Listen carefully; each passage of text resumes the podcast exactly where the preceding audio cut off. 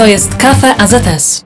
Cześć, tu Bartek Wasilewski, a naszym gościem jest Maja Chyla, klub uczelniany AZS Uniwersytetu Jagiellońskiego. Maja Chyla, narciarka alpejska. Maja Chyla, nadzieja polskich sportów zimowych? Cześć, bardzo mi miło. Czy czujesz się taką nadzieją? Czujesz y, na sobie tą presję? Jak się odnajdujesz? Bo nie po raz pierwszy zapewne słyszysz takie zdanie z czyichś ust. Nadzieja? Czy nadzieja to nie wiem, ale y, może w pewnym sensie czuję na sobie czasami taką presję, jak startuję w jakichś zawodach i wiem, że dużo osób na mnie liczy i trzyma za mnie kciuki. Natomiast myślę, że raczej podchodzę do tego na spokojnie. Jesteś dosyć już utytułowaną narciarką alpejską. Czy to ogranicza, czy najmniej ci wolno w związku z tym, że już nie jesteś mm, zwykłą jakąś narciarką, która startuje, uda się, to się uda, nie, to nie. Tylko już są wymagania, już ludzie ciebie kojarzą, już ludzie więcej od ciebie oczekują. Tak, coś w tym jest. Dlatego zawsze mam to z tyłu głowy, jak startuję, że jednak oczekuje się ode mnie może jakiegoś wyniku, ale tak, z drugiej strony staram się o tym nie myśleć, właśnie, żeby nie wywierać na siebie jakiejś dodatkowej presji, tylko po prostu staram się jechać na 100% i skupić się głównie na, na po prostu narciarstwie i na technice. To jak się skupić? Bo to, że masz umiejętności, to wszyscy wiemy. Ale jak się skupić? Jak tą głowę przestawić na to, że wiesz, że słyszysz gwizdek, słyszysz gong i zjeżdżasz. No musisz się do tego przygotować, musisz się wyłączyć. Jak się wyłączasz, jak się koncentrujesz, jak się mobilizujesz? Z jednej strony na pewno staram się dobrze zapamiętać trasę. My mamy coś takiego, że przed zawodami zawsze jest e, oficjalne oglądanie trasy i tą trasę zapamiętuję jak najlepiej. Potem przed startem powtarzam ją sobie kilka razy i to bardzo pomaga mi się skupić. Następnie mam taki rytuał przed startem, rozgrzewkę i zawsze te moje myśli gdzieś staram się odsunąć od właśnie jakiegoś wyniku czy presji. Staram się myśleć o tym, skoncentrować się na zadaniu, a nie na efekcie, jaki mógłby z tego być.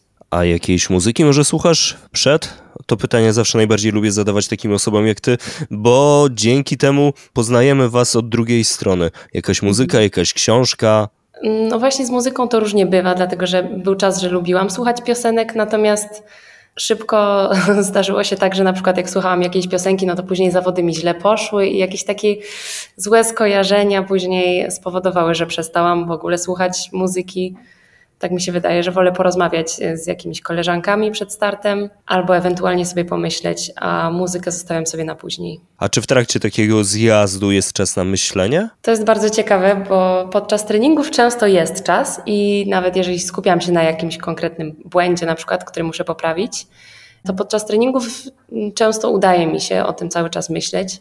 Natomiast na zawodach zazwyczaj jest tak, że startuję, a potem teleportuję się na metę. Budzę się, tak jakby odzyskuję świadomość dopiero po przekroczeniu linii mety i to jest bardzo fajne, bo, bo stojąc na starcie wiem, że za chwilę po prostu stanie się tak, o i, i będę już na mecie. Bardzo niewiele pamiętam z moich przejazdów. I kiedy już wiesz, że poszło dobrze albo poszło gorzej? Mm, czasami mam takie przeczucie, że po prostu dobrze jechałam, że zrobiłam wszystko to, co chciałam zrobić i, i wiem, że ten czas będzie dobry. Czasami takiego przeczucia nie ma i trzeba zobaczyć miny osób stojących na mecie albo po prostu popatrzeć na tablicę z wynikami. Zdarzało ci się upaść? Upaść? No, zdarzało się i to nie raz. To jak się, metaforycznie zapytam, to jak się podnieść? metaforycznie. Dobre pytanie. Myślę, że trzeba zachować, nie pogrążać się w jakichś smutkach i trzeba zachować pozytywne myślenie, bo to często jest tak, że raz coś nie wyjdzie, drugi raz potem znowu nie wyjdzie, właśnie przez to, że, że ten pierwszy raz nie wyszło i się zaczyna robić problem tam, gdzie go nie ma. A jeżeli się na przykład pomyśli pozytywnie i już jakiś jeden start dobrze wyjdzie, no to można tak też na tym sukcesie trochę dłużej jechać, że tak powiem. Sukces nakręca kolejny sukces. Mhm. Myślę, że tak to działa. To jak wyjść z takiego kręgu, żeby porażka nie nakręcała kolejnej porażki, tylko odwrócić? No, z tym jest na pewno ciężej. Można sobie, myślę, zrobić jakąś przerwę, albo ja tak lubiłam robić, że trenowałam na przykład bardziej drugą dyscyplinę, tak jak skupiałam się na gigancie bardziej cały sezon, ale ten gigant mi tak nie, nie szedł do końca jak, jak bym chciała, więc stwierdzałam, może teraz potrenuję trochę slalom i pomyślę o czymś innym. Warto jest się na chwilę odciąć albo zrobić coś fajnego. Byłaś na uniwersjadzie w Lake Placid, tam bez medalu. Medali za to zdobyłaś sporo na Ampach i na AZS Winter Cup.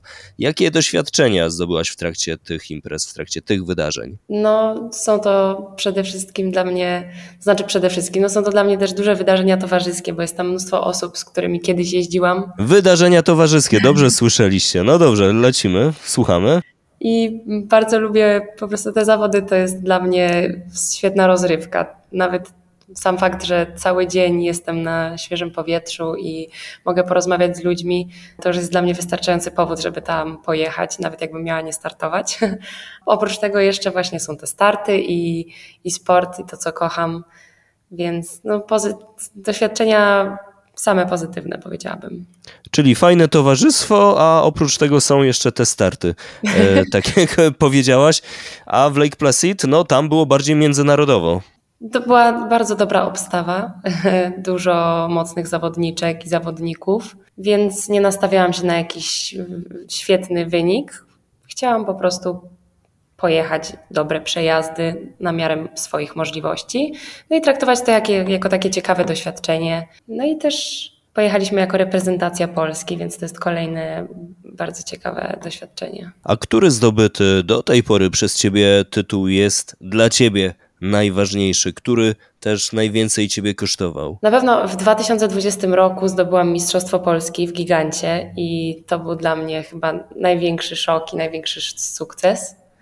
Później też zdarzyło mi się na Mistrzostwach Polski zdobyć złoty medal w slalomie równoległym. To też było dla mnie bardzo duże osiągnięcie. No i nie wiem, no wszystkie, wszystkie wydaje mi się medale tego typu. Tak samo na akademickich Mistrzostwach Polski. Bardzo się cieszę z tego, jak mi poszło w tym roku i w zeszłym. Uczyłaś się w liceum w Terwizjo. Tam miałaś szkołę połączoną z internatem i klubem narciarskim. Stok jak czytam, miałaś tuż obok szkoły. Mogłaś tam trenować regularnie. Po zajęciach mogłaś chodzić właśnie na narty. Jak to w ogóle pięknie brzmi. Ale ty, co zrobiłaś?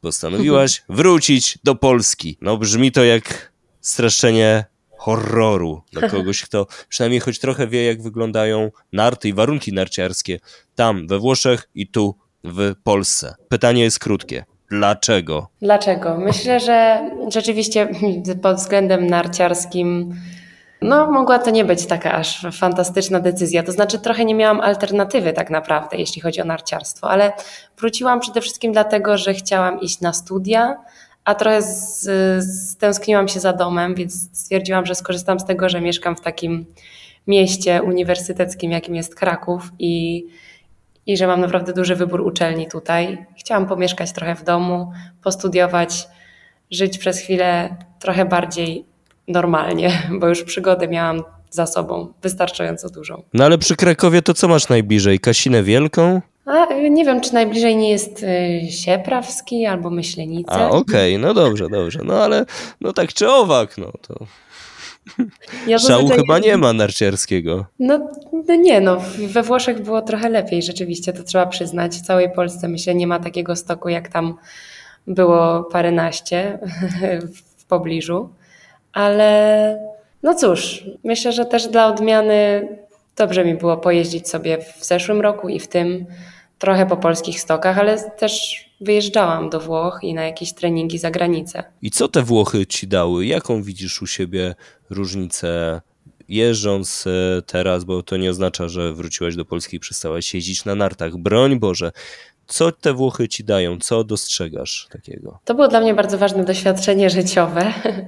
Myślę, że nauczyłam się dużo samodzielności i języka też włoskiego i ta kultura myślę częściowo teraz jest w pewnym sensie częścią mojej osobowości, mogłabym tak powiedzieć. Przede wszystkim super mam wspomnienia. No, wszystko, wszystko się bardzo dobrze udało i jakbym miała jeszcze raz pojechać, to bym na pewno podjęła taką decyzję. A jakie widzisz tutaj widoki na rozwój swojej kariery?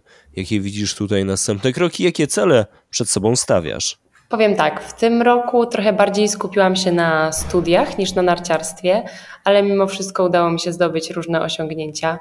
Dlatego, no cóż, będę kontynuować to w takim wymiarze, może jak w tym roku. Będę starała się trenować jak najwięcej, na tyle, na ile pozwolą mi właśnie studia i nauka. Wystartuję na pewno we wszystkich najważniejszych impre imprezach w Polsce, może na jakieś zagraniczne pojadę, zawody też. I zamierzam zrobić uprawnienia trenerskie.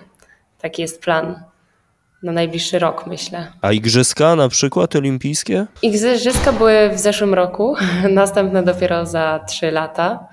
No cóż, no zawsze może się tak zdarzyć, że na nie pojadę. Byłoby super, ale jeszcze nie jestem w stanie tego przewidzieć. Czyli jest to gdzieś z tyłu głowy, ta najważniejsza dla każdego sportowca impreza, jak rozumiem, tutaj tego nie wykluczasz. Tak, tak, na pewno. A jak te narty u ciebie się zaczęły? Kto spowodował, że przypięła się po raz pierwszy? Zapewne ktoś w rodzinie, tata, mama, jak to wyglądało? Tak, na pewno rodzice. Oni zawsze byli entuzjastami tego sportu, byli członkami sekcji narciarskiej na Ujocie, tak samo jak ja teraz. No i jak tylko miałam 3 lata, to zostałam mm, zaniesiona na stok. Czyli ledwo jeszcze chodziłaś 3 lata, tak? No tak, no znaczy nie, no chodziłam już pewnie, no to poszłam na stok, ale okay. nart sobie sama nie zaniosłam raczej. No i, i cóż, niewiele z tego pamiętam, ale pamiętam, że, e, że lubiłam bardzo narciarstwo od samego początku i zawsze chciałam jeździć, nawet jeśli już byłam bardzo zmęczona. Nawet podobno kiedyś zasnęłam na nartach jadąc. Nie wiem, czy jest to. Ale to było w Polsce czy za granicą? A to akurat było za granicą, na jakimś lodowcu w Austrii, z tego co pamiętam. Miłość do Włoch pozostała w tobie, jak już sama wspominałaś. Jesteś studentką filologii włoskiej, ale i nie tylko. Studiujesz także psychologię. Dokładnie. Na jakim etapie jesteś w tej chwili? E, na etapie jestem na trzecim roku filologii, więc w tym roku piszę pracę licencjacką. No a psychologię zaczęłam dopiero właśnie w tym roku, więc zaczynam drugi semestr. I to wszystko, ta dwutorowość, w zasadzie dwójpółtorowość, bo studia jako jeden tor, tylko że rozbudowane, bo dwa kierunki i narty na poziomie zawodowym.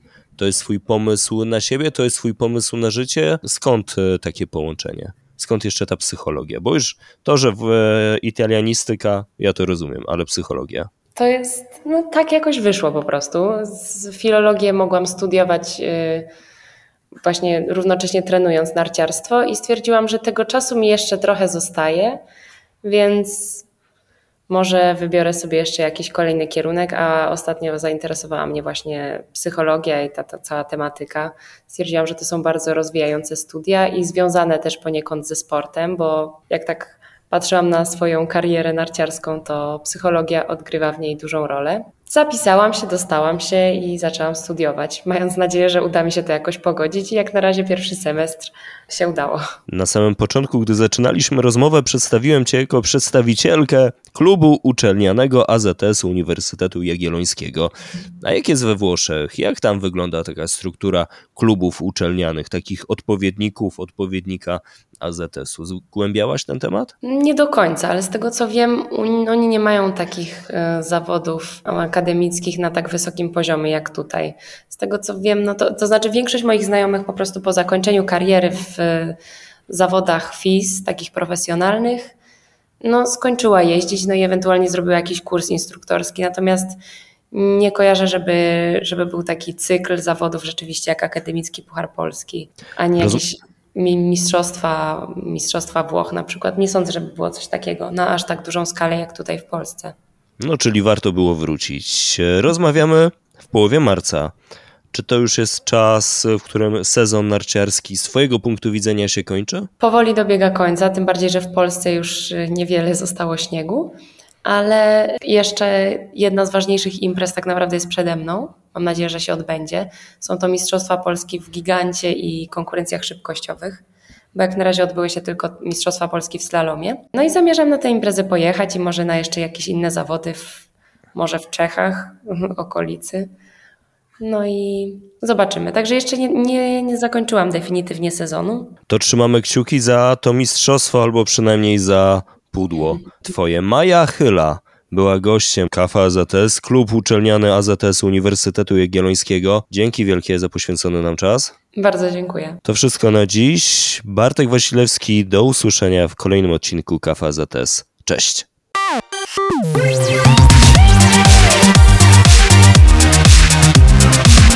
To jest Kafe AZS.